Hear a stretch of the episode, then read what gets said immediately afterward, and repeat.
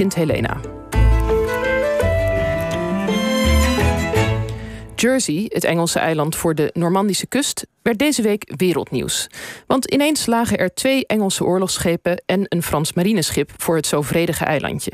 Rond het Britse kroondomein dreigt een visserijoorlog te ontstaan, die zomaar zou kunnen escaleren tot een heus gewapend conflict. Normandië is klaar voor oorlog, zo verklaarde in elk geval een Franse ambtenaar alvast. En diezelfde manhaftige tekst was ook te lezen in de Britse tabloids. tabloids.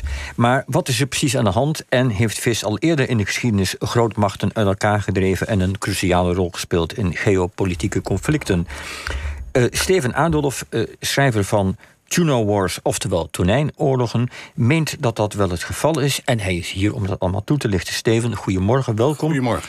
We praten dadelijk over de onverwachte rol van vis in de wereldpolitiek. Maar eerst het conflict nu. Twee Engelse oorlogsfregatten, één Frans marineschip schip naar een eilandje. Uh, wat, wat, wat, wat, moeten ze daar? Aanvallen, beschermen? Wat, ja, nou ja, goed, je vergeet nog even te melden dat de haven van, te, van uh, Saint-Hélier was uh, geblokkeerd door een groepje Franse vissers.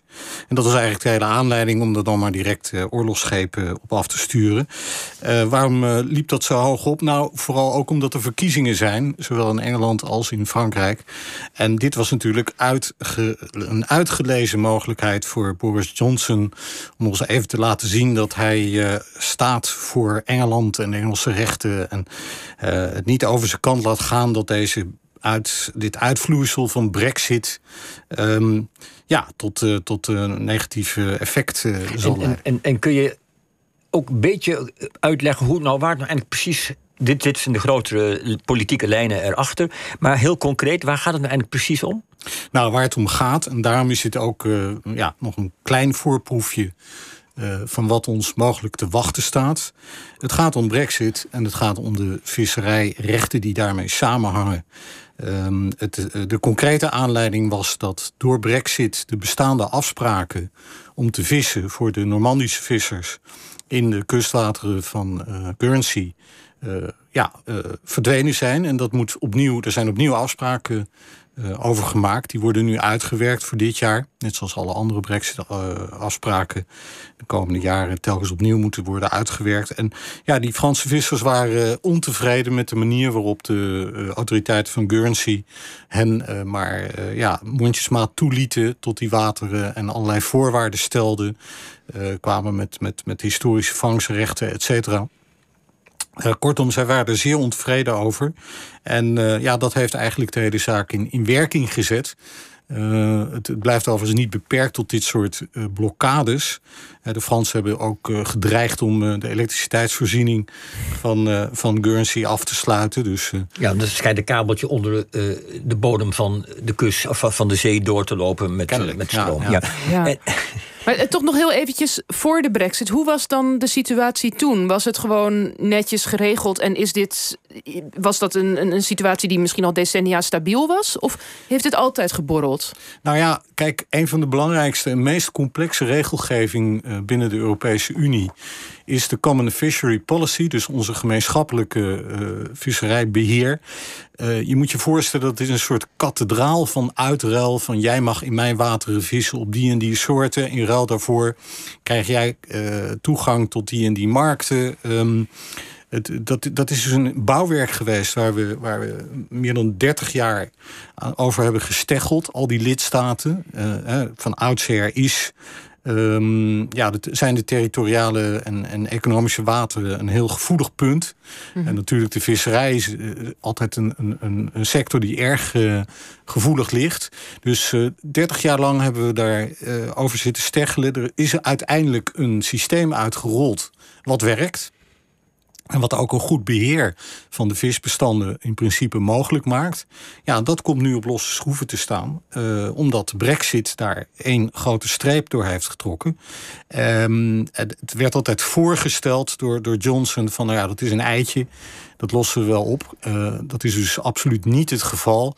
Um, net zoals veel andere akkoorden die nu opnieuw onderhandeld moeten worden, kan dit nog ja, jaren misschien wel een decennium of nog langer duren. Maar is dit nou, is dit nou voornamelijk symbolisch, die vis? Want ik bedoel, visserij, het is een belangrijke sector, maar tegelijkertijd, ik neem aan, in de meeste Europese economieën is het niet de belangrijkste sector meer. Is het nou symbolisch dat hier het juist zo hoog opspeelt? Nou, ik denk niet dat het alleen symbolisch, ja, in dit specifieke geval met Guernsey natuurlijk wel omdat we het over maar ja, hele kleine hoeveelheden vis hebben van nou, ik weet niet zulke belangrijke soorten. Maar uh, in, de, in de bredere context gaat het natuurlijk wel degelijk om, uh, om grote belangen. Uh, je moet je ook voorstellen dat allerlei andere onderhandelingen um, hier ook mee verbonden zijn. De Britten uh, zitten erg in het nauw op dit moment. Want uh, deze Brexit-exercitie heeft ze helemaal niet al dat voordeel opgeleverd. Het verhaal was altijd van, nou, we kunnen weer vissen in onze eigen wateren. We gooien die Fransen en die Nederlanders en weet ik veel wat, we gooien ze het lekker uit en nu kunnen we fijn daar zelf over beslissen. En een verhaal wat je hier ook wel hoort trouwens. Nou ja, dat is natuurlijk een, een totale idee fix. Dat is onzin.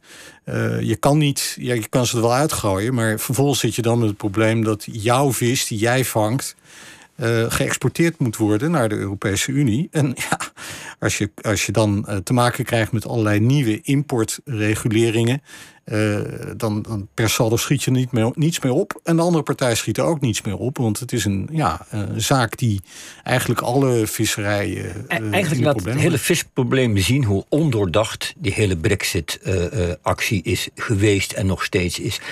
ik wil ook even een beetje verder terug de geschiedenis in. Want we zeiden al in het begin vis heeft vaker een, een, rol gespeeld in geopolitieke conflicten. En als we jouw boek lezen, dan komen wij, ja, geloof het of niet, dan komen we al uit bij de Romeinen en Hannibal, die een conflict hebben waarin vis een grote rol speelt bij die oorlogen tussen de Romeinen en Hannibal. Leg eens uit. Nou ja, de, oorlogen tussen, tussen de Romeinen en Feniciërs natuurlijk. Uh, tonijn, wat, wat de meeste mensen niet weten, is eigenlijk onze eerste grote industriële vis. En dat gaat drie millennia terug dat is een, uh, iets wat we eigenlijk pas sinds kort weten. Dat er echt op zulke grote schaal op blauwvintonijn, met name in de Middellandse Zee, werd gevist. En dat werd uh, op industriële schaal ingezouten en vervolgens over, de hele, over het hele gebied ge geëxporteerd. Degenen die daar vooral speciaal op gespecialiseerd waren, dat waren de Feniciërs. Die hebben dat geïmporteerd uit de oostkant van de, van de Middellandse Zee naar de westkant. En toen ze daar eenmaal gezetteld waren in, in Carthago met name, maar ook in uh, bijvoorbeeld het zuiden van Spanje. Uh, toen kregen ze het uh, aan de stok met de Romeinen, die ook om de vis, ook om de tonijn, maar natuurlijk eh, in een veel bredere context. Um, ja, zagen dat er een einde gemaakt moest worden aan die machtig, die nieuwe macht die daar aan het opkomen was. En die, die hen wel eens een keertje zou kunnen overtroeven, namelijk de Feniciërs.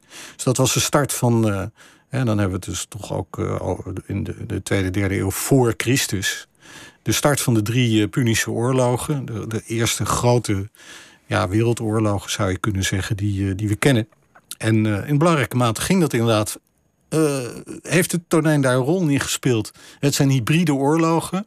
Ze hebben te maken met grote economische belangen. Tonijn was een grote, grote economisch belang. En natuurlijk gewoon met geostrategische um, ja belangen die daar doorheen speelden. Ja. Toch, toch nog even tot slot, want ik denk, je hebt het nu over de belangrijke rol die vis uh, in het verleden speelde. En, en in je boek noem je nog talloze andere voorbeelden. Die moeten, dat, dat moeten de mensen zelf maar lezen om, om te zien hoe vaak dat terugkomt. Ik ben dan toch wel benieuwd, hoe belangrijk kan vis nog zijn in de toekomst? Dus ik bedoel, Jersey, dit, is dit nou een voorspel van iets wat misschien nog wel jaren gaat duren? Of zeg jij van ja, vis is nu toch wel echt ietsje minder belangrijk dan het toen was, uh, bijvoorbeeld ten tijde van de Punische oorlogen? Nou ja, ik, uh, ik denk dat het nog steeds belangrijk is. Uh, we zullen de komende jaren aanhoudend van dit soort conflicten en op, op grotere schaal ook nog zien gebeuren. Mm. maar dat niet alleen, dat is, we hebben het dan nu over Europa. Je kan ook zien dat, dat nu al de Zuid-Chinese Zee, waar ook, ook, ook zo'n gebied waar op tonijn wordt gevist en waar al die ja,